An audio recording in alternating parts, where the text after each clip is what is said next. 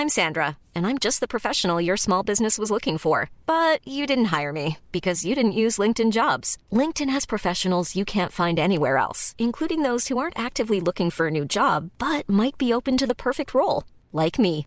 In a given month, over 70% of LinkedIn users don't visit other leading job sites. So if you're not looking on LinkedIn, you'll miss out on great candidates like Sandra. Start hiring professionals like a professional. Post your free job on linkedin.com/people today. A lot can happen in the next three years. Like a chatbot may be your new best friend. But what won't change? Needing health insurance. United Healthcare Tri Term Medical Plans are available for these changing times. Underwritten by Golden Rule Insurance Company, they offer budget friendly, flexible coverage for people who are in between jobs or missed open enrollment. The plans last nearly three years in some states, with access to a nationwide network of doctors and hospitals. So, for whatever tomorrow brings, United Healthcare Tri Term Medical Plans may be for you. Learn more at uh1.com. Wow. Nice. Yeah. What you're hearing are the sounds of people everywhere putting on Bombas socks, underwear, and t-shirts made from absurdly soft materials that feel like plush clouds. Yeah, that plush. And the best part? For every item you purchase, Bombas donates another to someone facing homelessness. Bombas. Big comfort for everyone. Go to bombas.com slash ACAST and use code ACAST for 20% off your first purchase. That's bombas.com slash ACAST. Code ACAST. Vi är denna vecka sponsrade av Indie Beauty. Och Sofie, det här tycker jag är extra fint och extra roligt. Ja men Indie Beauty är ju ett skönhetsvarumärke som jag tror att väldigt många känner till, men det jag älskar mest det är att Indie Beauty liksom vill vara mer än bara produkter, vilket de ju också är. Exakt. Indie Beauty står ju för Independent Beauty, skönhet på dina villkor och för din egen skull. Och Indie Beauty tror ju stenhårt på ett alternativt skönhetsideal fritt från måsten, skam och känslor av otillräcklighet. Där är jag helt med Indie Beauty. Jag med. Det är så jag vill att skönhet ska vara. Ja men verkligen. Och vet du vad som är nytt för i år Sofie? Berätta. Från och med i år så skänker Indie Beauty 1% av sin försäljning till Suicide Zero, Tjejzonen och Djurens Rätt. Så när man handlar produkter från Indie Beauty så kan man liksom känna att man också ger tillbaka till samhället. Ja, kraften i tillsammans. Ska jag säga en sak nu då, Mm. som jag, det, men det är detta jag är extra glad över. Nu har Indie Beauty tagit fram en keps och den tycker jag ändå så på sommaren, skydda sig från solen. Jättebra, jag älskar kepsen. Men det bästa, de bidrar till Suicide Zeros viktiga arbete för att minska antalet självmord och självmordsförsök. Så för varje såld keps så går hela vinsten, 100 kronor, direkt till Suicide Zero. Då kan man liksom göra nytta både för samhället och sin hud på en och samma gång. Ja, och kepsen kostar 169, men alltså hela vinsten går då som sagt till Suicide Zero. Så om man vill göra skillnad när man är där ute i solen, nu när den börjar titta fram, då ska man välja den här kepsen. Den säljs exklusivt på indiebeauty.se och på Apotea. Tillsammans kan vi skapa en ljusare framtid. Vi ses med kepsarna på! Tack Indie Beauty. Vi är sponsrade av Mindler och som ni säkert vet sedan tidigare så är vi ju ute på psykologresan tillsammans. Men hur vet man egentligen när det är dags att söka hjälp? Ibland uppstår saker i livet som kommer utmana oss och kännas tufft. Det mesta självläker vi oss igenom, för vi är menade att ta oss igenom en viss mängd påfrestningar. Men ibland behöver man professionell hjälp för att ta sig ur jobbiga perioder i livet. Men vart går då gränsen? Vad är en del av livets skavighet och när är det läge att söka hjälp? Det sägs till exempel att stress är farligt, men att också kan vara bra. Alla sover dåligt ibland, så när har man egentligen sömnproblem? Ångesten kommer väl krypande för de flesta någon gång. Så när ska man se ångesten som outhärdlig? Hur vet jag? Med oss som psykolog har vi såklart min gamla psykolog Linnea Seidbrant. Men Linnea, vad är egentligen utmattningssyndrom? Utmattningssyndrom är en konsekvens av svår och långvarig stress utan möjlighet till återhämtning. Vi är ju då skapta för att klara av stress, men vi behöver också återhämtning. Om du utsätts för för mycket stress under en lång period utan att du får till den nödvändiga återhämtningen så kommer kroppen till slut att säga ifrån. Och det är faktiskt så att alla har en gräns. Du kan drabbas av en rad fysiska eller psykiska besvär som trötthet, sömnproblem, hjärtklappning, besvär från magen och tarmarna och mycket annat. Och det här är ju då varningssignaler och tecken på att du kan behöva göra någonting åt din situation. Annars så kan besvären utvecklas till att du mår så dåligt på sikt att du blir psykiskt och fysiskt utmattad. Ladda ner Mindler till din telefon och läs mer på mindler.se.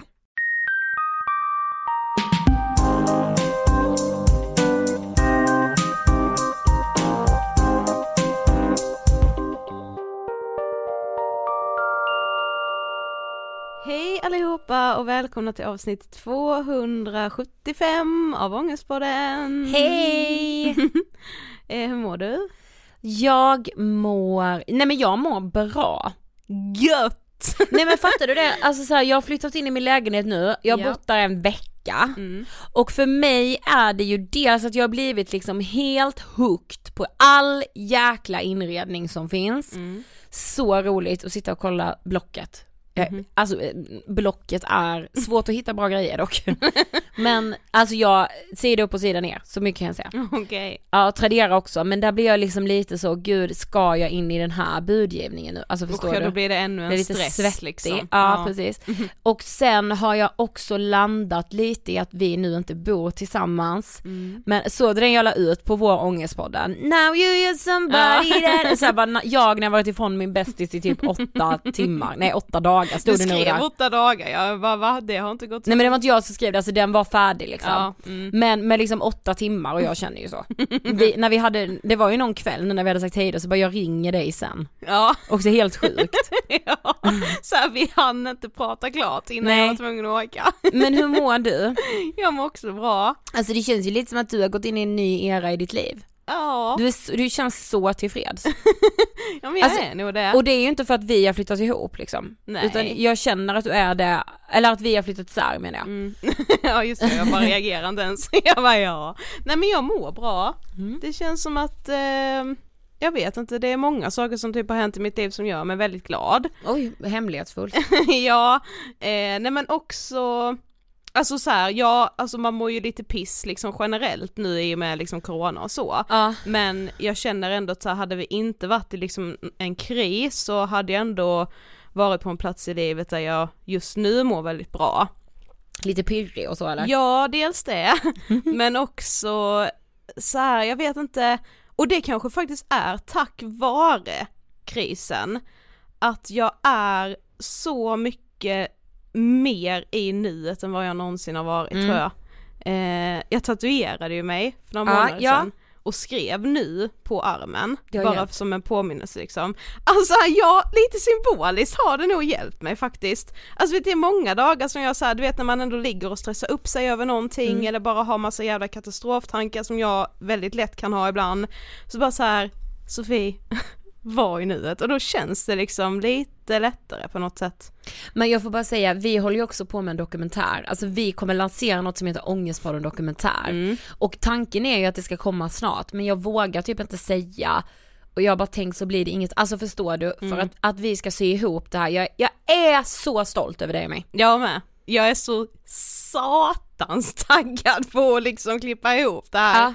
Så det kanske, ja det är också en grej som gör mig väldigt glad. Ja, ja men mig med, alltså jag har varit, jag har gått och så här varit, ja men jag har varit så stolt. Mm, verkligen. Okej, ska vi ber- berätta lite om dagens gäst? Det tycker jag. För det är ju en person som är helt fantastisk. Ja men så här, jag visste att det skulle bli ett bra avsnitt men jag, liksom, jag pratade precis med henne här via Instagram, Ja. för hon har ju fått lyssna igenom avsnittet så, såklart, och bara gud vad mycket vi hann med. Ja, Ja, det här det är ett så. avsnitt fullproppat med så jävla mycket bra meningar.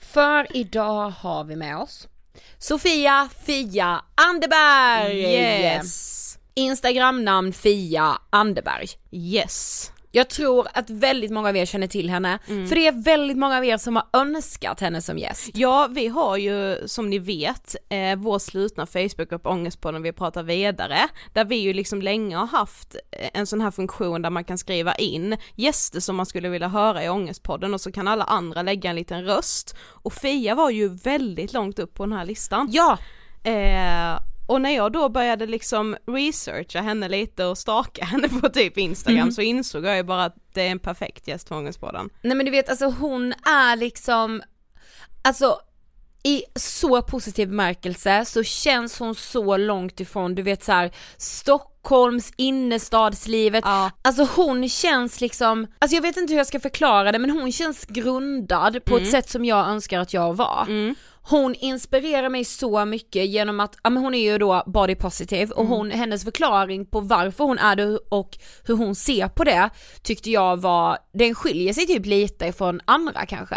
Fast jag tänker ändå att det är grundtanken med body positive. Ni får Ja. höra. Ja, och jag tycker också, alltså det har vi ju sagt tidigare med men så här ett tag kände jag bara gud nu pratar vi jättemycket body positive i podden liksom, jag vill inte att det ska bli uttjatat på något sätt. Men så bara insåg jag att så här, nej men jag är ju så matad på daglig basis med liksom de här normativa kropparna och Ja. för att det ska bli en jämvikt och balans i liksom hur jag ser på min kropp så behöver jag de här påminnelserna mycket, mycket oftare än vad jag nog trodde från början. Nej men jag vet. Mm. Och också alltså att gå in på Fia Anderbergs instagram, Mm. det är som att bara gå in i mys. Ja, verkligen. Alltså, Jag Ja. tycker inte vi behöver säga så mycket mer. men nu. gud nej vi ska, ni vi ska lyssna. Ja, Vi rullar intervjun med Fia. varsågoda! Hej fina Fia och välkommen till Ångestpodden! Tack så mycket. Här sitter vi i er härliga lilla vindslya höll jag på att säga. Ja, ja men alltså Tyvärr ver- inte lya, jag skulle gärna bo här. Den är ju superfin och så, ja, men som jag sa, så charmigt med alla hustak och allting. Man, man vill ju bara vinka till Karlsson på taket. Jag vet! Det, jag, det tänker jag alltid här uppe, jag bara gud det är verkligen såhär Karlsson. Ja, var Ja, men är när vi, vi har ju bott på Downtown camp, by Camper nu Ja. eh, och när jag har varit här uppe så eh, låg vi i poolen och så tittade vi då så tittade jag ner så var det verkligen en sån Karlsson på taket balkong där du vet det var rep Åh! och det var jättemycket grejer på balkongen liksom någon skottkärra och du vet alltså såna här orimliga grejer såg det ut att vara. Så jag tänkte han måste ju bo där. det är ju där han måste bo. Det är där han bor. Ja. Åh, Ja. Men för de som inte vet, vem är du? Eh, ja, Sofia, Fia Anderberg heter jag. Eh, jag ehm, jobbar som kroppspositiv inspiratör eh, på sociala medier och influencer då. Det är mitt heltidsjobb så att jag hänger hela dagarna på min Instagram och min blogg. Mm. Och älskar det. Du gör det jävligt bra Ja, men vad in. Nej men du vet alltså att gå in liksom i din värld på sociala medier tycker jag är ångestfritt Mm. måste jag säga. Alltså även om du kan prata om ångest och sånt men man relaterar, man känner igen sig, det känns som en varm plats Vad i glad sociala medier. Nej men att- verkligen. Att du känner så för att det är precis det jag vill skapa och jag känner lite att jag vill göra något viktigt med min influencerroll.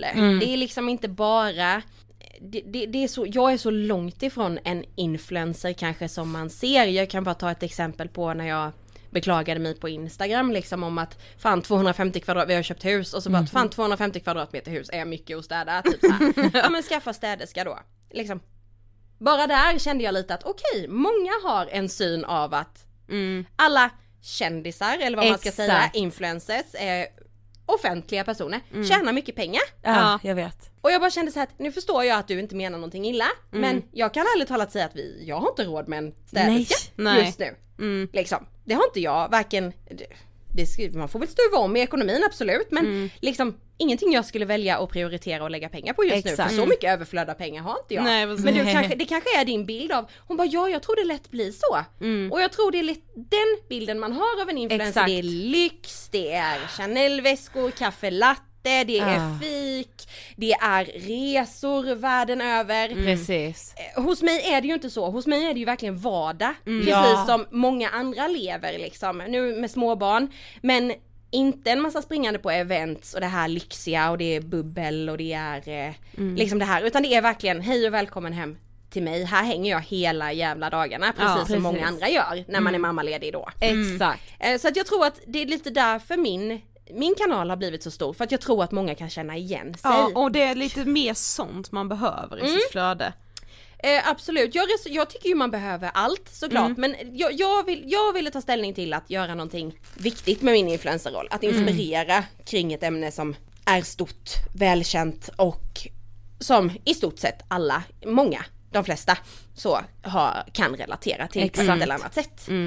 Ehm, så det, det valde jag att viga mitt liv åt och jag älskar ju att jag kan jobba med det på heltid Ja. för det tar ju mycket tid, så är det ju. Ja, gud ja. Men jag är ju inte i det här för pengarna, naturligtvis vill jag kunna försörja mig. Ja, men och det är det därför jag gör betalda samarbeten. Däremot så tackar jag otroligt mycket nej. De kan Ja. ju komma och locka med hur mycket pengar som helst men är det inget jag kan, kan stå bakom så tackar jag nej. Ja, alltså. Eh, mina följare ska känna att den reklam och den, den typen av samarbeten jag gör är genuint någonting Exakt. Mm. som jag vill berätta för er att det här tycker jag är grymt bra. Precis. Men vad tänker du på när du hör ordet ångest? så många år av mitt liv. Eh, typ. Eh, min, min, min ångestresa eller vad man ska säga började ju redan när jag var tio år egentligen och min pappa tog sitt liv. Eh, här någonstans så hamnade jag ju i någon jätte jätteknepig situation. Väldigt mycket känslor, väldigt mycket oidentifierbara känslor och det, det är ju ett så i den åldern.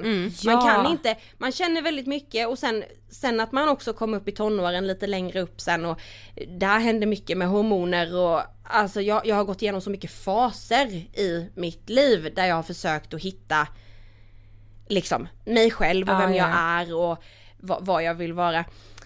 Eh, men här började ju min ångest och det är ju någonting som jag har eh, levt med sen dess och fortfarande lever med. Eh, men som jag också har lärt mig att hantera idag. Eh, någonting som jag har lärt mig att se som en kompis istället för Alltså en del av mig istället för en fiende som kommer och knackar på dörren. Och det har hjälpt jättemycket bara att acceptera att man har ångest. Att man lever med ångest. Ehm, att inte hela tiden försöka stöta bort den. Och får panik så fort man Få- känner ja, den liksom. utan istället omfamna den och säga okej, nu är du här, då gör vi det bästa utav situationen. Ehm, Sen en sån dag idag.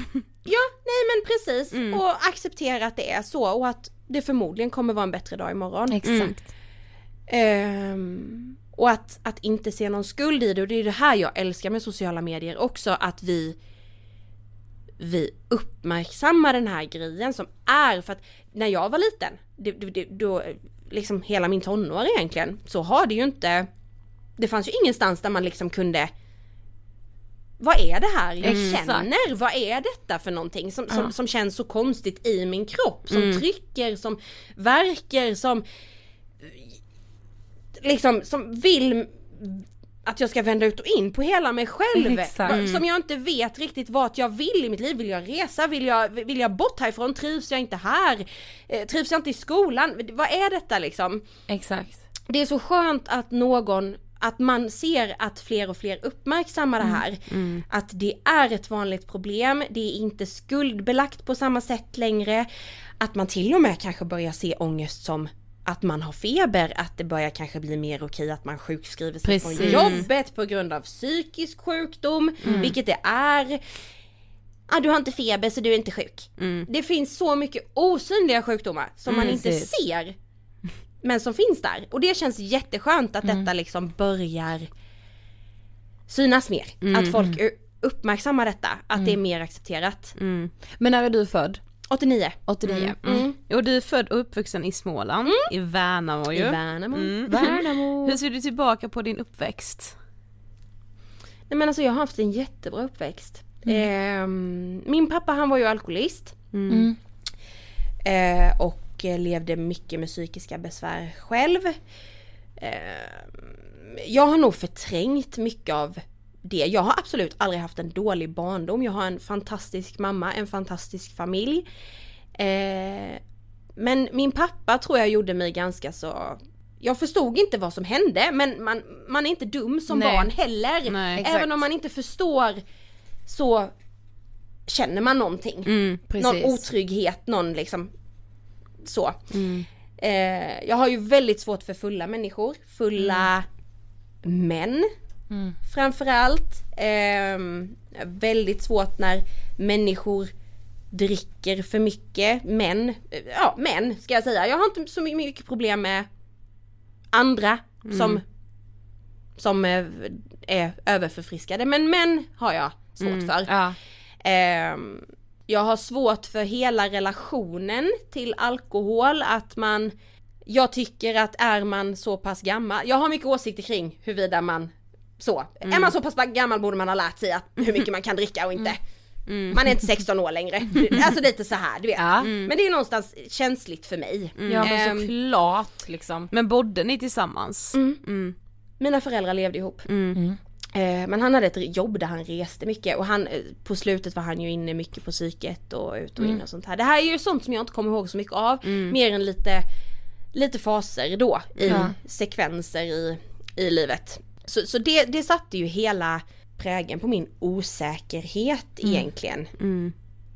Vad man ska säga då. Ehm, och sen när han gick bort så för samtidigt var han ändå min trygga punkt. Det är det som är så konstigt. Han var min pappa, han var min, Precis. han var aldrig elak, aldrig otrevlig, aldrig liksom så. Det var bara hela den här osäkra biten som han bidrog med när han var full, när Ja. han var ostabil, psykiskt ostabil och allt det här. Jag kände ingen trygghet. Nej. Och när han då försvann så blev det liksom så Då utvecklade jag ju en separationsångest istället då gentemot min mamma Som varade länge fram tills jag hittade min eh, första kille då egentligen på gymnasiet.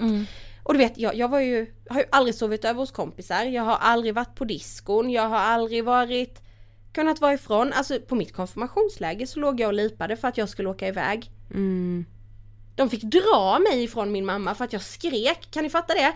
16, 15-16 år gammal tjej som inte ens kan gå till skolan utan att gråta för att man ska, man är livrädd för att ens mamma inte ska komma tillbaka igen. Ja, ja.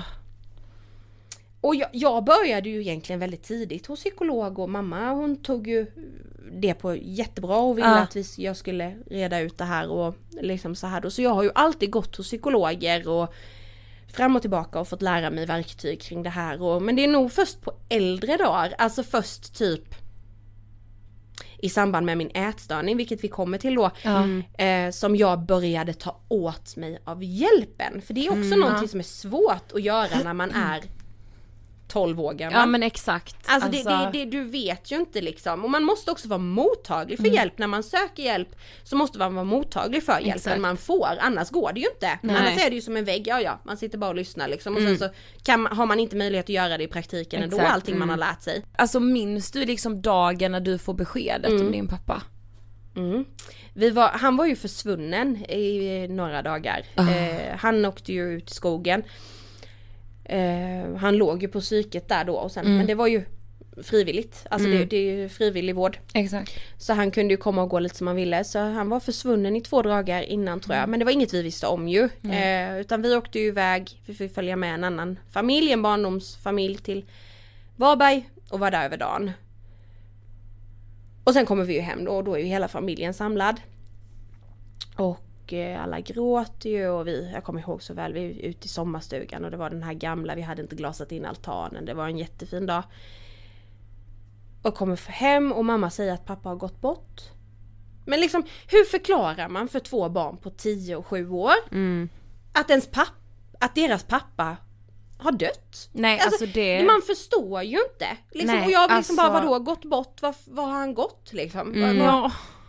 Lite så här. ehm, det, den, det tillfället kan jag se tillbaka på väldigt ofta och liksom känna det jag kände. Eh, sen dess var ju egentligen självmord ganska, man kunde inte prata med mig om självmord. Nej. Jag var arg och jag tyckte det var så jävla egoistiskt. Jag kunde inte förstå hur man kunde lämna en fru och två barn. Hur fan tänker man? Liksom det var verkligen det. Det gick inte. Det, det, man fick sig en utskällning om någon skulle komma. Ja men eh, nej. Det är inte accepterat. Det är ju först nu när man själv är vuxen och man förstår hur svart allt måste vara. Exakt. När man väljer att ta sitt liv. För jag kan ju må dåligt. Men jag skulle ju aldrig våga ta mitt liv. Nej. Och då, måste, då förstår man ju hur dåligt man måste må. Exakt. Och hur lite man ser runt omkring sig. Precis. Om man är beredd att våga ta ett sånt steg. Ja. Ja och ofta när man gör, alltså man är ju verkligen sjuk. Alltså, Ja, ja, ja, ja. Så, Och liksom för, för en frisk människa vågar ju inte det. Nej. För man vet inte vad som finns på andra sidan. Man har Precis. ingen aning. Så en frisk människa vågar ju inte ta det steget. Nej. Men då, så liksom det är först nu på senare dag jag har förstått hur sjuk man måste vara. Och hur man inte ens kan se sin familj och sina barn. Precis. Och hur man också ser sig själv som bara en börda. Ja. Hur man liksom också ser att ni kommer få ett bättre liv utan mig. Det var ju hans sanning. Exakt. Det var ju så han kände. Liksom, de, kommer, om jag, de kommer få ett bättre liv om jag dör. Och, och liksom, det är ju ingen som vet men man vet ju inte hur livet hade sett ut idag. Alltså, Nej. han var ju så tungt eh, medicinerad. Jag vet inte hur Ja. mycket mediciner han gick på i slutet. Liksom antidepp och eh, allt liksom. Mm. Frågan är om han hade kunnat ta sig ur det eller om man hade hittat honom på någon parkbänk någonstans nere i Värnamo liksom. Alltså, Frågan är Mm. Och det om man hade kunnat återhämta, nej men det går ju inte, Nej. det vet Nej. man ju inte. Han Nej. kanske hade varit frisk idag om han hade Mm. valt att fortsätta eller så kanske han hade varit ännu sjukare. Mm. Men pratade man ändå mer direkt om att det var självmord? Alltså Ja. ni fick ändå veta Ja. det? Ja, För det, det, är, fick ju- vi. och det är många som känner väldigt mycket skam och skuld, alltså Mm. av anhöriga och så, hur liksom hanterade du och din familj?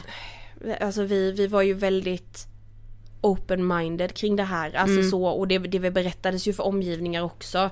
Så att det var ju aldrig någonting som inte pratades om. Nej. Det var ju inget som någon skämdes för. Men jag tänkte, du nuddade ju vid det nu men alltså att vi skulle komma in lite vidare på så här kroppen, relationen till kroppen. För vi sa ju det till dig innan vi satte på mickarna att alla liksom, våra lyssnare vill att vi ska prata och prata och prata om det. Och då känns det liksom perfekt när man har dig här. Eh, men alltså hur var din relation till din kropp under tonåren? För då känns det som att många utvecklar den första relationen till kroppen liksom. Nej men alltså jag, jag ser ju bara tillbaka till min tid som liksom tonår, högstadie, allt det här ångest. Alltså det, det Ja. var ju, jag hade akne, jag Plus Ja. Nej men alltså liksom så här, det var, det var jobbigt. Alltså så här och så här, här och då så hade man ju oftast kanske lite kändisar som man eh, inspirerades mycket av. Jag hade tvillingarna Olsen till fy exempel. fan. Oh my God. Vet, Som man bara, jag hade alla filmer, alla skivor, alla böcker.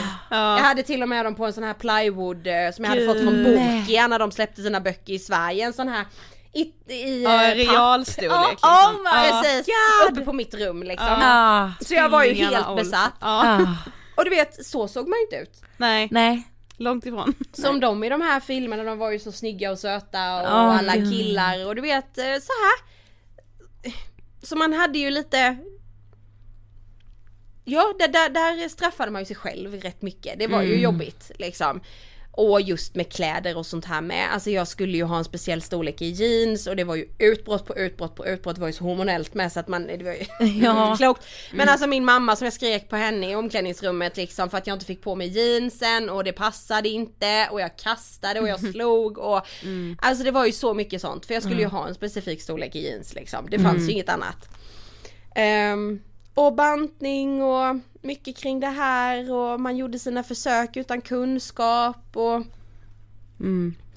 Eh, nej, så min, min relation har ju alltid varit ganska så skev egentligen. Sen, jag, sen jag var 12 år så har jag hållit på fram och tillbaka med min kropp och bantat och eh, velat förändra och tyckt att jag varit ful och tyckt att jag varit tjock och med dålig bemärkelse då. Nu vet vi ju att, att vara tjock är inget dåligt men Nej. det, det är ju samhällets syn fortfarande. Exakt, precis. Samhällets syn på tjocka är ju något dåligt. Och Exakt. det var den synen jag hade på Men du utvecklade ju en ätstörning.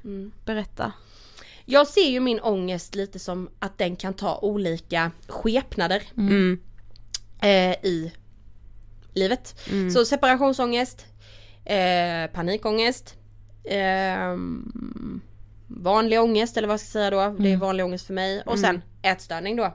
Det är ju en form av ångest. Verkligen. Men det började ju egentligen gymnasiet tror jag att det började. Då hade jag lite, ja men jag gjorde lite försök, alltså bulimi eh, ska man väl säga då. I, inte, inte så att jag kräkte upp allt jag åt men eh, mycket utav det. Ehm, Och sen gick det i perioder. Eh, Men framförallt har det nog, jag har aldrig haft anorexia eller så. Och nog inte bulimi heller eh, på heltid. Nej. Eller vad man ska säga. Utan mer periodvis när jag hade ångest för att jag kände att jag hade ätit någonting som var onyttigt. Ja. Så kräkte jag. Eh, men annars har det nog bara varit skev kroppssyn, eh, besatthet utav Ja. kroppen och liksom mm, klämma och känna och- spegla och vilja gå ner och målbild och vad man ska, vad man ska äta, väldigt intresserad av vad man ska äta för att bli smal och är det här nyttigt? Kan man äta det här? Är det här nyttigt? Ja det är nyttigt och då har man liksom tryckt det för att det är nyttigt och så då liksom bara, ja men det blir ju inte nyttigt om man trycker saker. Alltså det, Ja. det, det är ju sådana grejer. Så att det har hela tiden ständigt varit ett mål att bli smal och jag Ja. har testat mina grejer liksom. Det var ju först typ 2013 som det blev riktigt allvarligt. Det var ju då jag började min stora viktresa och då började jag ju detta på Instagram också då. Det har ju varit, mitt Instagramkonto har ju varit ett eh, viktnedgångskonto från början. Oh my god det är så galet alltså. Ja. Eh, det har ju varit eh, en eh, Min resa räknas. Det har Oj. det, så det var Hashtag. så... Om man går liksom. tillbaka långt ner i flödet så eh, är det Så- riktigt ätstört. Ja. Så du började säga ja nu ska jag gå ner i vikt Och dela med och mig ville av det peppa här. mina andra följare till att gå ner i vikt. Ja. Jajamän. Men hur ser du på det idag då? Nej men det är inget jag skuldbelägger mig själv för. Nej. Alltså det, det var, jag var sjuk. Jag, jag var jätte, jättesjuk och det här började väldigt hälsosamt. Till en början. Eh, det började med att jag ville gå ner lite i vikt. Eh, för att jag var överviktig. Och för att jag ville må bättre. Egentligen började det med att jag började träna och röra på mig. Och det anser jag som hälsosamt. Det är Ja. hälsosamt för mig, det är jätteviktigt för mig och mitt välmående att röra på mig. Ja verkligen. Eh, saken var den att när jag väl såg resultat så blev jag eh, lite besatt av det. Och jag blev ju smalare och gud jag tog ju för och efterbilder. Alltså det här var ju jättetrendigt på denna. Ni får ju Gud, tänka, ja. 2013, alltså det var ju så mycket träningsprofiler, så mycket träningskonton. Det var ju i samband med att det kom snygga träningskläder. Tänk när man Just tränade det, förr, då gick man dit i sin gamla Lars Winnerbäck t-shirt Ja, och eh, ett par sunkiga träningsbrallor liksom. Ja. Det var ju här man började betala 700 spänn för ett par träningstights Ja. och tillhörande och då var inte inkluderat sport-bh. Nej. Nej. Det Alltså, var ju på denna ja. tiden. Ja, Celsius kom, Nocco kom, Ja! Alla de Ja men här det blev ju en barsen. livsstil liksom. Ja men gud vad jag med minns det när du säger shaken. Ja. Kommer ni ihåg? Alla. Protein, shakes, Ja. eh, allting kom ju här i Åh denna. herregud ja. Ja. Ja. Och det var väl egentligen här sociala medier tror jag. Jag var ju ganska sen på bollen. Men jag tror att den kom igång lite här. Verkligen. Instagram framförallt fick nog sig ett Så är det. här kom det liksom. Ja men vi pratar typ 2013. Ja. Ja men jo. Jag tror jag ja. laddade ner Instagram 2012. Ja det gjorde Jag jag med. med. Ja. Mm. Mm. Så det, Så här började jag ju min viktresa då. Mm. Och eh, det var ju före och efterbild i spegel och kolla vad smal jag har blivit och sånt här. Mm. Och sen så ehm, Så egentligen var det, det var hälsosamt till en början. Jag mådde bra. Mm. Jättebra av min nya livsstil. Och så hade jag som mål att jag skulle väga 65 kilo. Mhm.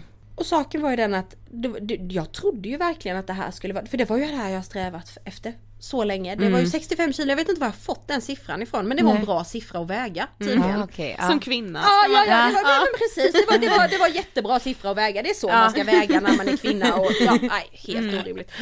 Ehm, så jag hade ju det som målsättning. Och sen när jag väl, jag hade verkligen en bild av att jag skulle bli lycklig när jag vägde 65 kilo. Det var min verklighet att när jag väger 65 kilo så kommer jag inte ha ångest. Jag kommer inte känna det, det, det, det, det. Jag kommer vara lycklig. Det, det kommer vara svaret på allt jag har kämpat för. Blev du lycklig? Nej men alltså herregud. Jag har ju aldrig varit så olycklig i hela mitt liv. Så när jag stod där och vägde 65 kilo och tittade mig i spegeln och helt plötsligt såg jag en massa andra grejer som jag ville förändra istället. Och här någonstans började jag också, det var ju helt, helt plötsligt så skulle jag ju vara en bikini fitness modell året om. Jaha. Det var min bild av liksom, jag förstod ju inte det här att bikini fitness var någonting man tävlade i och något man spenderade tid på under en period. Det, mm. Inte hela tiden. Så det, det blev ju liksom, helt plötsligt skulle jag bygga muskler istället nu då. Jag skulle träna mer på gym, jag hade ju börjat träna på gym här och tyckte det var skitkul, trivdes väldigt bra med det. Men, ja men helt plötsligt fanns det andra, det liksom, helt plötsligt skulle jag ändra mina armar. Och när jag ser bilder tillbaka på den här tiden så, så jag kan ju inte förstå vad jag såg i spegeln. Jag såg ju fortfarande den där stora personen som jag en gång hade varit, eller stora, jag ska inte säga så men jag såg fortfarande den personen som jag var när jag började min resa. Ja. Och nu när jag ser på bilder på mig själv, jag bara, nej men allt var ju borta. Ja, det är Alltså jag kan inte förstå hur jag kunde se de här sakerna. Mm. Så här började ju jag press... Jag la ju i en extra växel, jag räknade ju alla mina kalorier. Jag försedde min kropp med ungefär 500 kalorier om dagen. Mm. Vissa dagar tränade jag två dagar eh, om dagen på gym. Oj, ja. Plus lite promenader på det just för att pressa ner den här eh, app. Jag använder ju en app då där jag fyllde i mina kalorier. Ja, Pressa ner kalorierna. Okej Ja. nu ligger jag på 600. Om jag går i 40 minuter nu så är jag nere på 500 liksom. Mm. Eh, jag vägde min mat. Eh, jag åkte land och rike runt för att köpa köttfärs med mindre fetthalt än 10% för det hade de inte där jag handlade i vanliga fall så jag åkte till ICA och köpte det för typ 130 spänn kilot eller någonting. Eh, Var så här 500 gram. Mm. Eh, köpte jag, för det skulle man ju ha. Det gick ju inte att ha vanlig köttfärs. Nej, såklart nej. nej. Nej, och nötfärs var det också där för det var ju mindre fett. Ja just det, ja. Min vändning var när jag och mitt ex var iväg på en eh, resa. Vi var iväg i sex veckor, en resa som jag hade drömt om så så länge. Vi var i Vietnam, Filippinerna och Thailand. Och när jag kom hem därifrån då har jag levt precis som jag levde hemma. Med dels träning varje dag, strikt kost. Och det enda jag kunde tänka på var den här viktnedgången. Jag var, jag var, bara, jag var bara på någon annans plats på jorden. Ja. Men jag levde exakt likadant. Och när jag kom hem därifrån så fick jag bara en sån Nej, det får fan vara bra nu. Det här kan fan inte vara livet. Nej. Livet Nej. kan inte gå ut på att jag i hela mitt liv ska gå runt och väga mina kalorier, eller Nej. väga mina, min, min mat och räkna mina kalorier för att vara smal. Mm. Vad i helvete Ha som liksom. strävan att vara smal. Mm. Så jag tog faktiskt upp telefonen och ringde till ätstörningsmottagningen och bara hej jag behöver hjälp. Ni måste hjälpa mig. Och sen den dagen så har jag inte sett tillbaka en enda sekund på det. Mm. Det var bara, jag bara, nu är det bra. Jag bara fick nog. Ja. Jag bara nej, jag ska fan inte ligga på min dödsbädd och inse att jag har le- bara gått runt och velat väga 65 kilo. Efter varje semester känna att åh, nu har jag lagt på mig lite, nu måste jag banta. Ja. Eller efter varje jul, nu har jag lagt på mig lite, nu måste jag banta. Nej men det blir så, allt det blir så, det går ju inte att ha balans. Nej men man fatta ska att ligga på sin dödsbädd och inse att varenda jävla resa man har varit iväg på Så har man fokuserat på detta och Ja. helt gått miste om vilka fantastiska platser man har varit på. Ja, Nej men så precis. tänker jag mig, ett helt liv Mm, och fokus ligger på, alltså då fattar de med så här hur, sjuk, hur sjukt samhället är. Mm. För att så här, vad fan går ner på, vi sitter på Sveavägen här, går ner på Sveavägen och in på en salladsbar. Vad fan skriver de ut vilka kalorier det är Nej. i varje, det, Nej, det det är så jävla befängt. Kan jag få äta min lunch i lugn och ro utan, Utan att behöva tänka ska... på att jag skulle tagit gurka istället för paprika Ja. för att det är mindre Ja. kalorier i Nej. det. Alltså, Och jag menar det är som jag säger, hur mycket, du kan äta hur mycket gröns, grönsaker som helst och träna hur mycket som helst på gym. Mår du skit så är det inte hälsosamt. Nej. Exakt! Det, det är inte det. Det, det, liksom, det var som jag la upp en bild häromdagen. Ja. Samhällets syn på mig som smal, samhällets syn på mig som tjock. Ja, Samhällets syn på mig som smal, hälsosam. exakt. Ja men hon är hälsosam, hon tar hand om sig Ja. själv. mm. Så hon måste ju vara lycklig också. Ja. Nej, men precis, nej men du är ju så smal, du har väl inga problem. Ja. Nej, bilden nu. Ohälsosam, Mm. överviktig, tjock, dålig. Jag kan säga jag är fan så mycket hälsosammare nu Mm. än vad jag var. Ja. Men det så ser inte folk. Nej. Folk ser bara en smal kropp, vad som sen pågår, hur illa jag behandlade mig själv och min Exakt. kropp liksom. Det, det, det bryr Det spelar folk om, för jag var ju ändå smal. Ja, precis. Liksom. Det, det, det, det är så skevt samhälle vi, och ja, ja, ja, det, du, ser hälsosammare ut på bilden till vänster, man bara men snälla käften. Mm. Skriver folk. För jag, ja men jag, ja, nu tampas jag ju med mycket övervikt. Eh, mycket så här, det var ju någon som skrev på någon bild jag la upp, nej en dansvideo jag la upp med min dotter där jag dansade och var allmänt glad i bh och trosor så här. Ehm, du vet att det är ohälsosamt att vara överviktig va? Och då, då, och då skrev jag en text, jag ska göra allt i min makt för att du alltid ska känna att du duger som du är. Ja. Typ, en text om det. Och så bara, Fast det är inte hälsosamt att inspirera till övervikt. Mm. Alltid, alltid alltså den. så här, alltid den får man. Det är liksom anledningen till varför vi bara, känner att vi bara måste. med- ja. Vad är det med Nej mänskligheten? men det, ja jag blir Alltså trött. ge fan i att vara inne hos mig då. Alltså snälla, jag bara känner det. Följ inte mig då om du inte förstår vad jag menar. Precis. Och följer man mig så förstår man vad jag menar. För mig, jag lägger ingen värdering i vad andra gör men för mig är det enormt viktigt med motion. Jag mår Ja, jättebra utav det. precis. Det är jätteviktigt för min ångest. Det är jätteviktigt för att min kropp ska må bra, för att jag ska orka.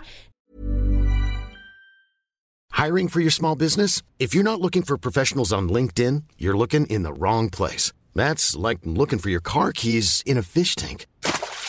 LinkedIn helps you hire professionals you can't find anywhere else, even those who aren't actively searching for a new job but might be open to the perfect role. In a given month, over 70% of LinkedIn users don't even visit other leading job sites. So start looking in the right place. With LinkedIn, you can hire professionals like a professional. Post your free job on linkedin.com/people slash people today. Hey, it's Ryan Reynolds, and I'm here with Keith, co star of my upcoming film, If, only in theaters, May 17th. Do you want to tell people the big news?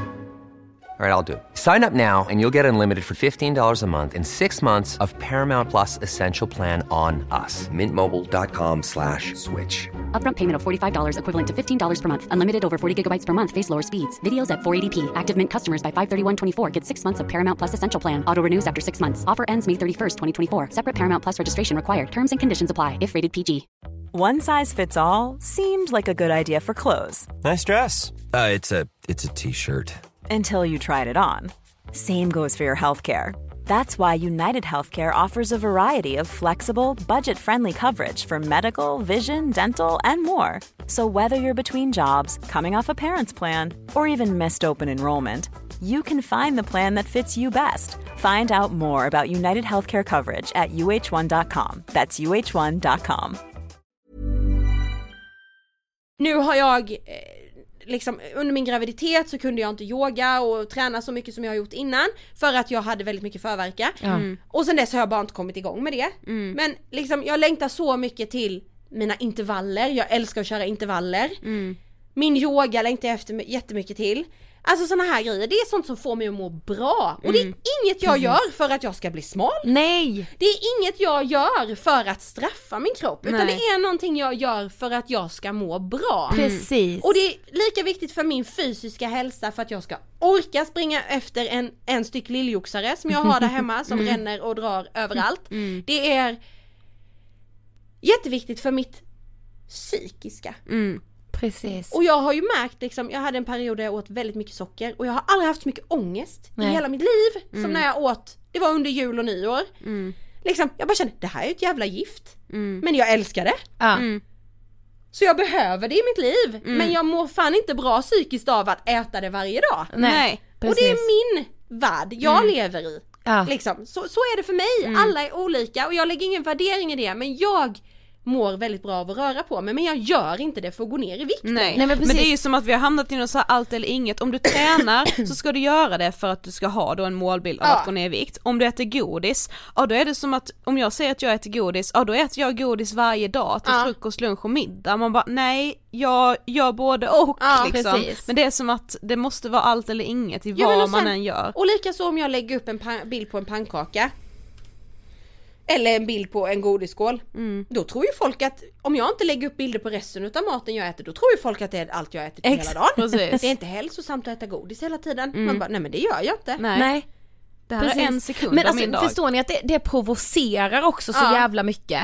Och det provocerar med att så här, träna utan att vilja bli smal idag. Alltså då är man så här, men varför tränar du då? Typ så här, tycker inte du det är Alltså- jobbigt att träna utan att se resultat Ja. liksom? Vill du inte då liksom du inte utesluta allt liksom- annat för att just gå ner Ja. i vikt? Man bara, men det är inte därför jag tränar. Nej. Men och det var liksom nu efter jag, jag gick tillbaka, jag var på sån här mammaträning. Eh, lite så, där man fick ha med sig barnen då. Jaha. Och bara åh ska du eh, gå ner din mamma, mammavikt nu? Eller så. Vad är det för jävla fråga? Ja. Kan man få träna? Utan att det ska finnas något syfte med det mer än välmående för mig. Exakt. Precis. Jag, liksom, jag, jag ställer mig, ja nu, nej men nu ska jag gå ner min mamma mage här, den, den kommer aldrig att försvinna. Ja. Så är det bara, den kommer att vara där. Men det är väl jättefint? Så här, bara du har burit ett barn i din kropp. Nej men alltså, och liksom det, det är folks syn på, jaha ska du börja träna nu för att du ska gå ner i vikt? Nej. Nej, Men ja. vi läste, men du skrev det i ett inlägg att sen när du väl liksom började banta och började räkna kalorier, att du liksom hade en strävan att du ville bli hälsosam.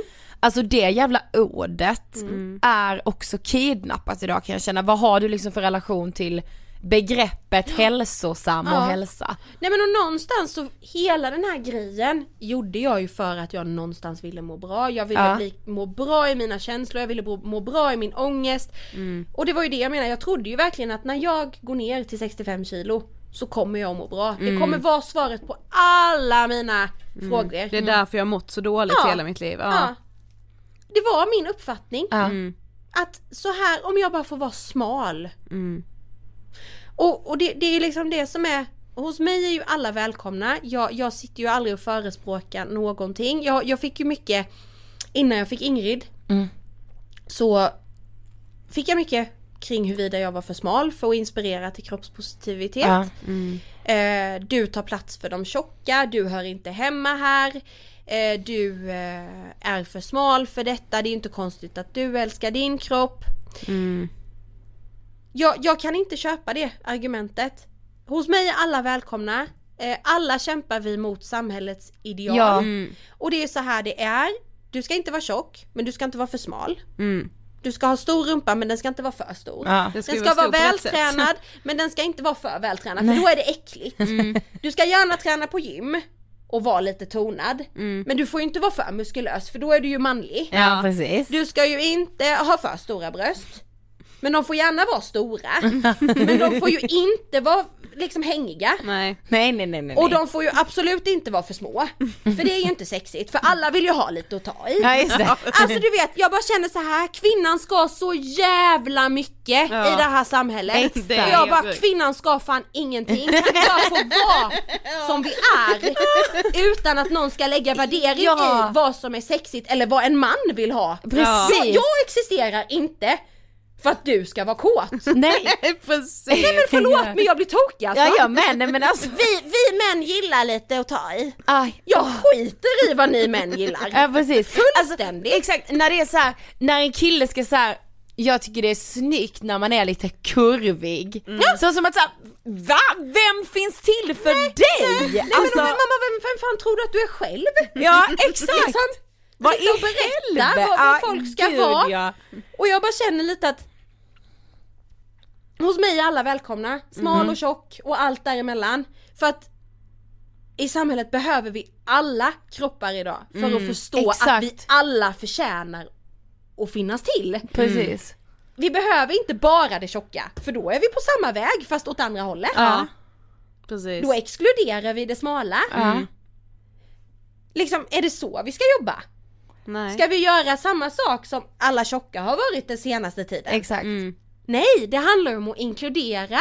In med allt! Visa att allt syns, visa bristningar, visa celluliter, visa ojämn hud. Visa det vältränade, visa det smala, visa det tjocka, visa det kurviga. Allt ska få synas. Så det är väl lite skillnaden hos mig då, att jag tycker att alla ska vara välkomna. Hos mig. Jag jobbar inte för att exkludera någon utan jag jobbar för att inkludera alla. Men då när du sökte hjälp, där när du Mm. bestämde dig liksom, vad fick du för hjälp då? Jag fick, eh, dels fick man ju genomgå en utredning, eh, lite tester, jag tror det var tre möten först, det var möten med en psykolog och sen var det möten med eh, en sjuksköterska som man satt och åt med då för att hon skulle liksom Ah. analysera beteendet kring mat och ens relation kring det.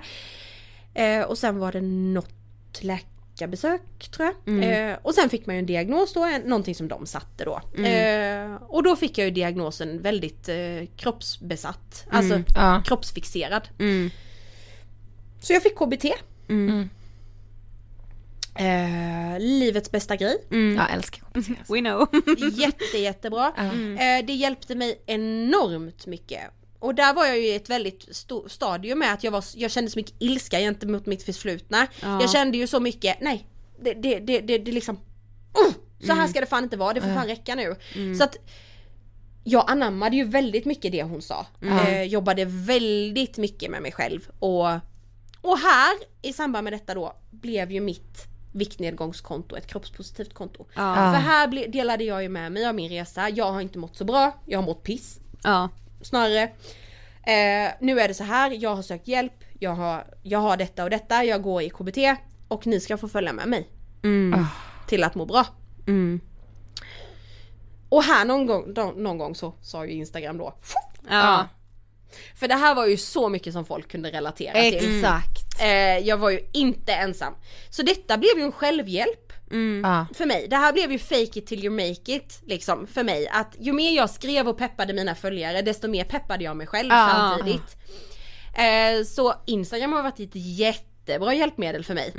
För jag skrev och skrev och skrev och jag inspirerade andra och jag såg att jag inte var ensam, jag fick jättefin respons. Ehm, så först var det ju någon form av självhjälp tills jag själv var så stark så jag kände att jag bara kunde lägga fokus på att hjälpa andra. ja.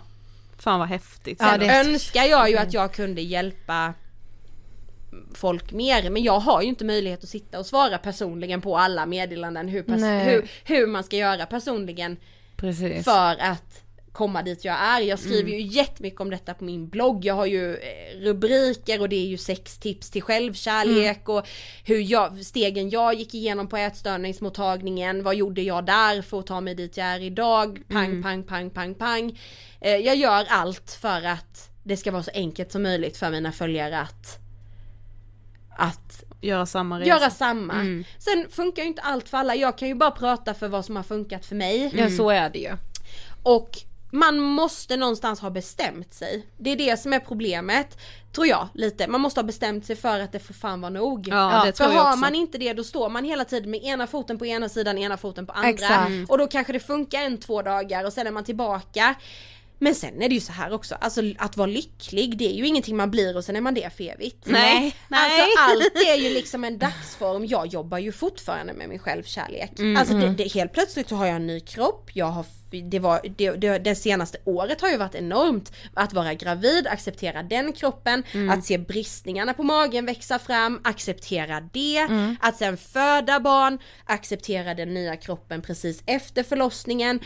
Och sen nu nio månader senare acceptera en kropp som förmodligen kommer se ut så här.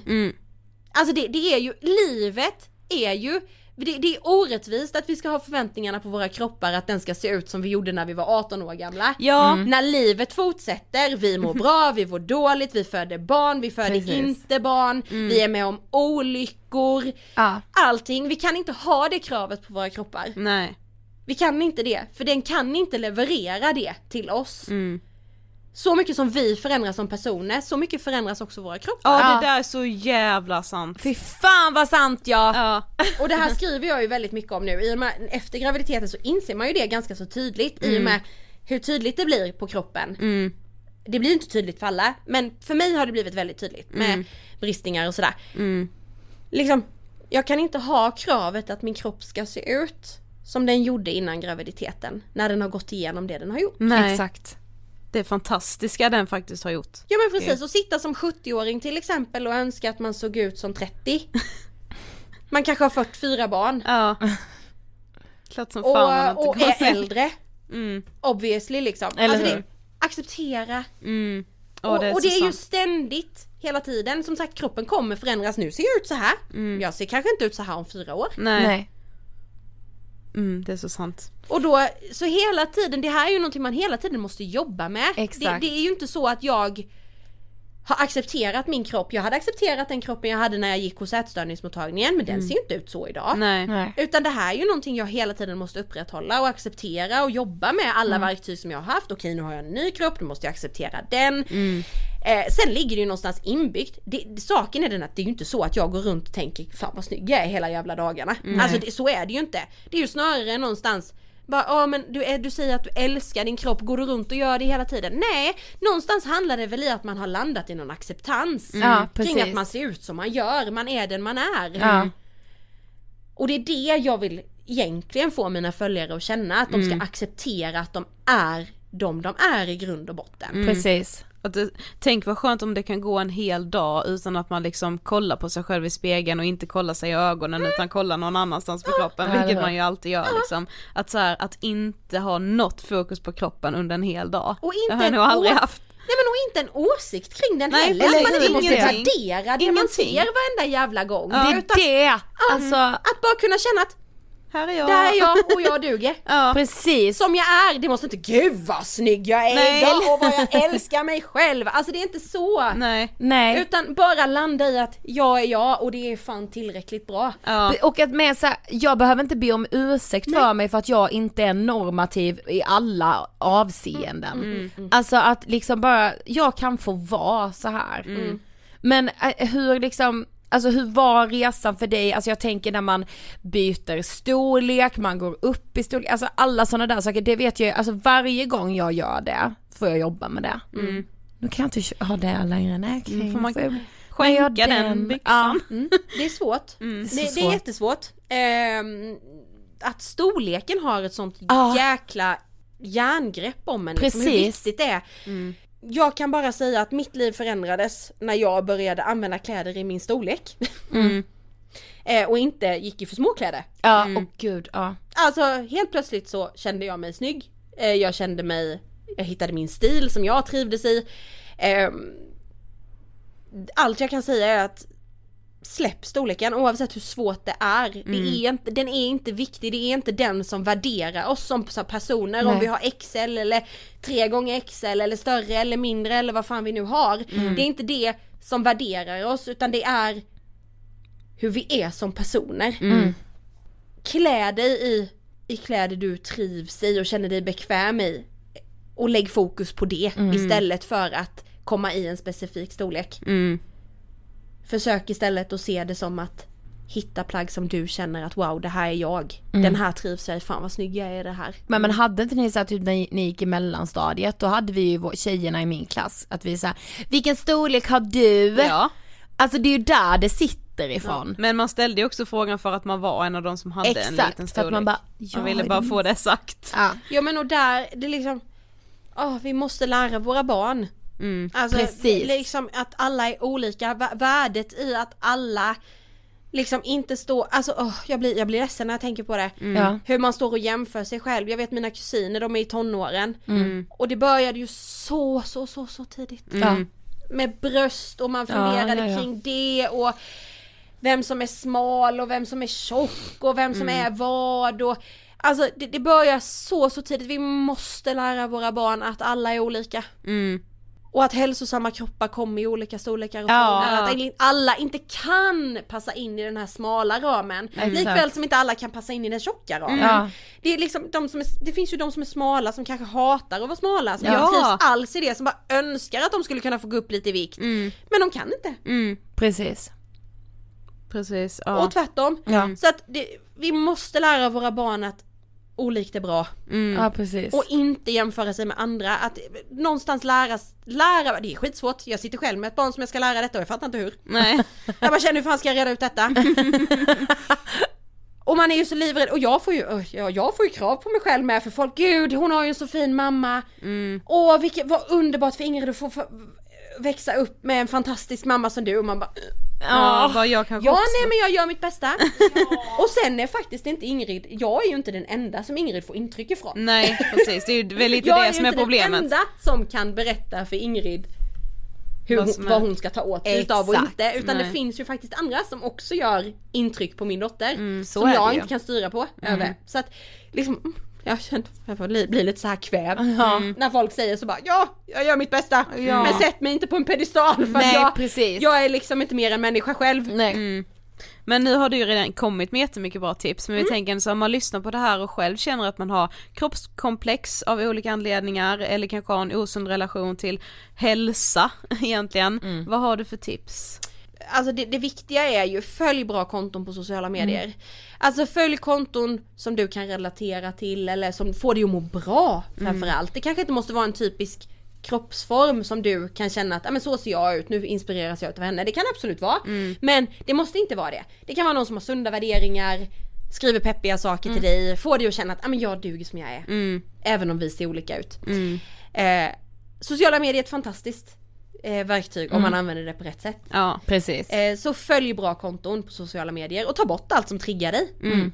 Känner du dig "Mm, provocerad av det här, ta bort det. Du behöver inte följa det. Det, Nej, det är valfritt.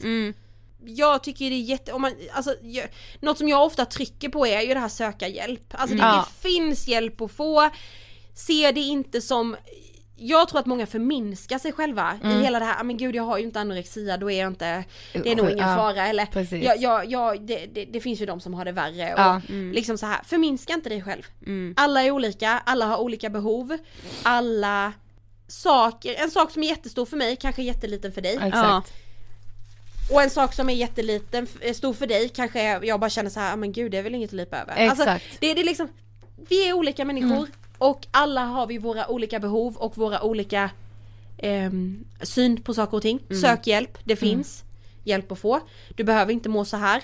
Och typ gå in på min blogg och läs. Ja, jag har gud, ja. jättemycket, jättemycket tips där. Jag samlar Mm. Ja. otroligt mycket tips. Mycket utmaningar och Och vad heter Vad- din blogg? eh, Fian kan man gå in på. F-I-I-A-A-N.se Det är bra. Men vad skulle du säga att så här, vad har du för relation till ångest idag? Mm. Den är min kompis. Mm. Som jag eh, tar hand om. Jag har lärt mig vad jag behöver göra när jag har min ångest. Ehm, jag har lärt mig hur jag ska hantera den och acceptera att den finns där.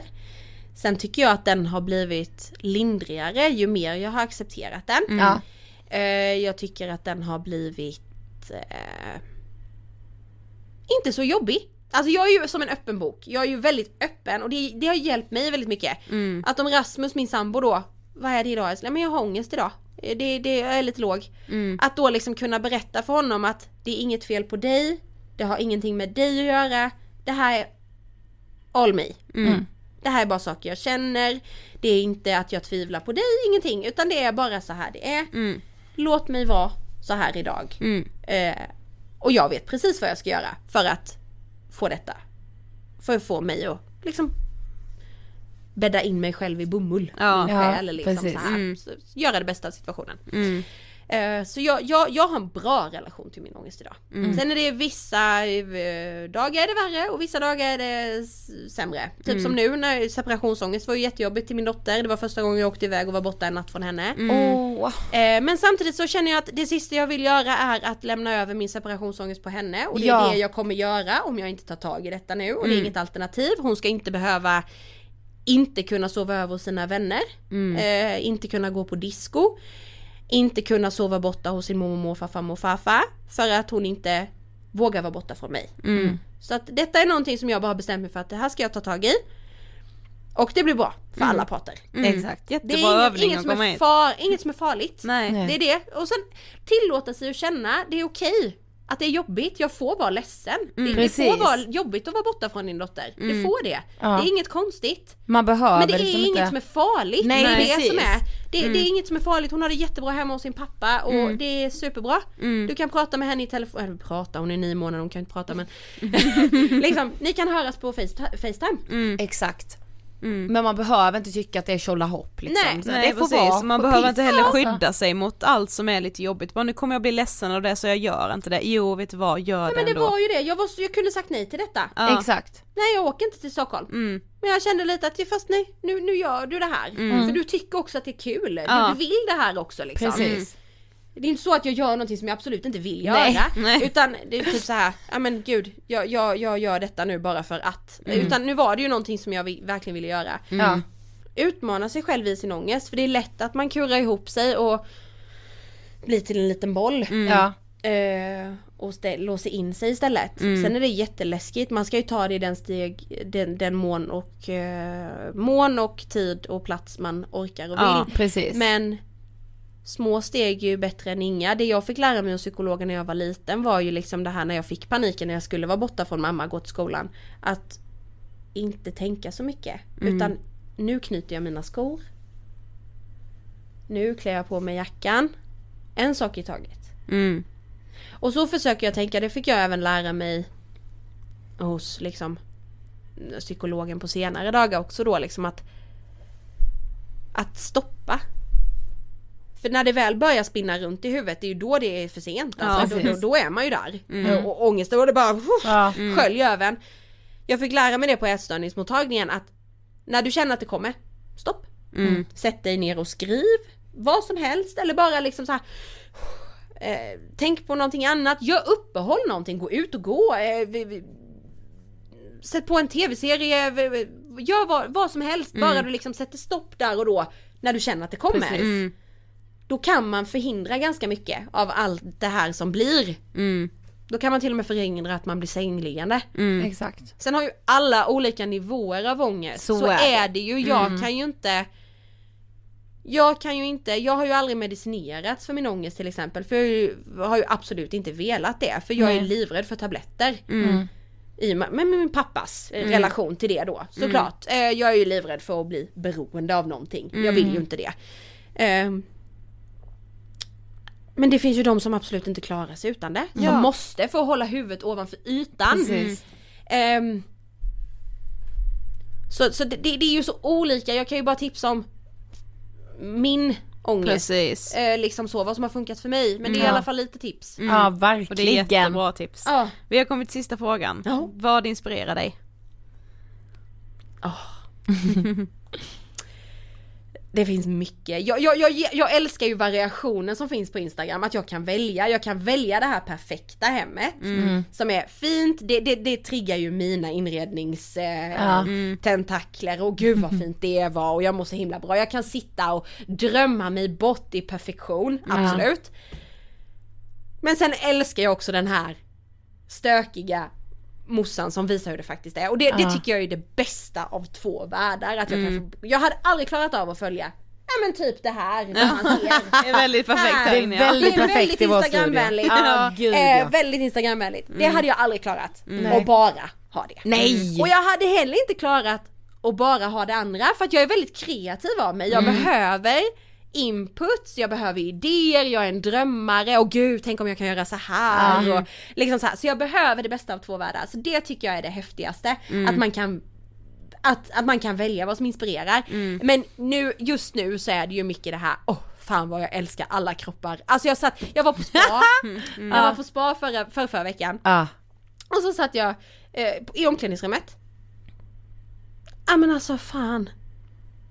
Kroppen. Ja. Ja!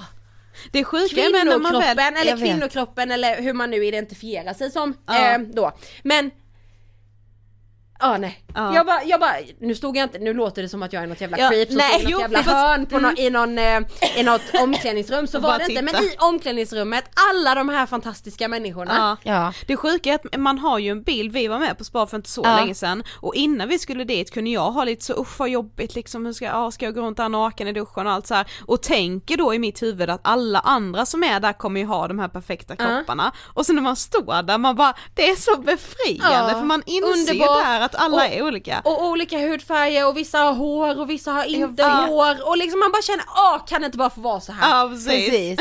nu Som det är i jag. detta omklädningsrummet. Ja, den Ja. mångfalden vill jag ha Ja, överallt. Precis. Ja, Fan och det finns härligt. fan inget vackrare. Nej, sant. Tack så jättemycket för att du ville gästa Ångestpodden.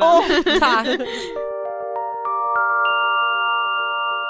Nej men vet du vad jag kommer ta med mig Alltså nog för alltid tror jag. Berätta. Jag önskar verkligen det och jag hoppas att det kommer bli så. Men just det här som Fia säger att, alltså kroppen förändras ju på samma sätt som man förändras genom livet. Alltså det är klart som fan jag inte kan och vill jag ens se ut som jag gjorde när jag var typ 16? Men du vet ibland kan man sitta så och kolla tillbaka på gamla bilder och bara åh gud jag var så smal då, fan vad fet jag har blivit. Alltså du vet typ, alltså när man, Bara lägger negativ Ja eh, klang, precis, liksom. Mm. precis och bara såhär, åh gud jag tyckte jag såg mycket bättre ut då. Men bara så här, men jag har ju, alltså livet, kroppen förändras på samma sätt som livet. Jag, alltså min personlighet har ju också förändrats genom åren. Jag är absolut inte samma person helt och hållet som jag var när vi bara startade den här podden. Nej. Sen finns det ju liksom en, en grundperson som är Sofie liksom, men man kan ju hela tiden förändras lite, man rubbas lite på vissa ställen, har perioder i livet där man mår bättre eller sämre och det är liksom, hallå det är det som är livet. Jag vet, men jag, jag ska läsa ett instagraminlägg men först vill jag bara tacka Fia så mycket för att du gästade Ångestpodden. Det här avsnittet blev otroligt, jag är så glad att det kommer finnas med i vår katalog. Ja, tack för din klokhet. För det var, alltså det här var liksom lite sjukt för jag visste ju att så här i, redan nu liksom i helgen som var, att Fia skulle gästa oss nu. Och så får jag upp på min Timehob, den här appen som då man kan se vad man gjorde för ett år sedan, vad man gjorde, alltså ja. Då fick jag upp ett inlägg som jag skrev för exakt ett år sedan som var på det här temat. Så jag tänkte att jag skulle läsa det, det kan vara så att jag läste det för ett år sedan också. Så varning om jag är självupptagen men jag tror att man kan relatera för att jag kunde relatera till mig själv och det jag skrev då. Då skrev jag så här. Ikväll grät jag en skvätt över min kropp för att den förändras. För magen som hänger över byxkanten, som vänder sig bort från idealet. För låren som inte kom i ett par jeans jag kunde ha innan. För att jag bryr mig. Jag grät som fan om jag ska vara ärlig, för att jag bryr mig. För att jag tror något av det som är jag sitter i hur min kropp ser ut. Grät för 15-åriga mig som bestämde sig för att banta en gång. För sidorna jag skrev i min bok men inte alltid kan leva efter. För att idealen är skeva, snäva, inte mina. För vet ni, det är inte mina ideal. Det är någon annan som format dem och jag dansar efter pipan. För det mesta sliter jag mig fri, bort. Men det går inte alltid för de är så starka. Jag grät för att jag borde vara stolt som föreläst på Handelshögskolan i Göteborg idag, men istället la tid på lite självhat, som att livet någonsin får handla om kilo, utseende eller att eftersträva ideal. Mm. Exakt så är det ju. Det var det jag menade med så här, alltså jag behöver följa så många konton som är typ som Fias liksom för att Ja. jag ska få en balans i livet som gör att jag inte lika lätt hamnar i det här, Mm. ja men springa efter den här jävla pipan liksom. Nej men jag vet, alltså just, alltså jag minns den här kvällen så väl för att jag, alltså jag var hemma hos min kille då och han bara så, vad, alltså kan du inte beskriva varför du är så ledsen? Mm. För att han hade, har liksom lite svårt tror jag att förstå kroppskomplex för att han inte lider av det själv. Mm. I, absolut inte i samma mån som jag i alla fall. Och att jag bara, fast Emil alltså jag gråter för att jag bryr mig. Det är Mm. därför jag gråter. Det är så otroligt jävla sorgligt ju, Exakt, för att, jag ser, det. för att jag ser ner på mig själv för att jag inte kan ha de här jeansen, fucking därför gråter jag. Ja, det är liksom, För att jag vill inte, nej. men jag känner ju det, jag Mm. äcklas av mig själv, vad fan är det här för piss? Mm.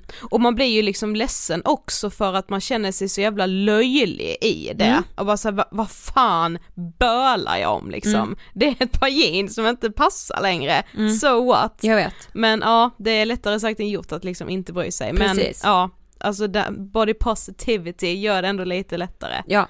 Eh, ja, återigen, stort tack för er för att du vill gästa och tack för att ni har lyssnat på veckans avsnitt. Vi hörs nästa vecka. Det gör vi såklart. Herregud vad vi Ha hörs. det bäst! Puss! Hej då! Hej.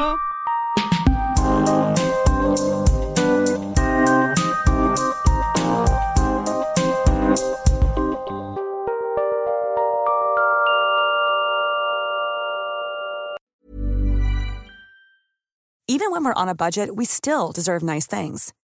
Quince is a place to scoop up stunning high-end goods for 50 to 80% less than similar brands. They have buttery soft cashmere sweaters starting at $50, luxurious Italian leather bags, and so much more. Plus, Quince only works with factories that use safe, ethical, and responsible manufacturing. Get the high-end goods you'll love without the high price tag with Quince. Go to quince.com slash style for free shipping and 365-day returns. Mom deserves the best, and there's no better place to shop for Mother's Day than Whole Foods Market. They're your destination for unbeatable savings, from premium gifts to show-stopping flowers and irresistible desserts. Start by saving 33% with Prime on all body care and candles. Then get a 15-stem bunch of tulips for just $9.99 each with Prime. Round out Mom's menu with festive rosé, irresistible berry chantilly cake, and more special treats. Come celebrate Mother's Day at Whole Foods Market. Imagine the softest sheets you've ever felt. Now imagine them getting even softer over time. That's what you'll feel with Bowl and Branch's organic cotton sheets. In a recent customer survey, 96% replied that Bowl and Branch sheets get softer with every wash. Start getting your best night's sleep in these sheets that get softer and softer for years to come. Try their sheets with a 30-night guarantee. Plus, get 15% off your first order at bowlandbranch.com. Code BUTTERY. Exclusions apply. See site for details.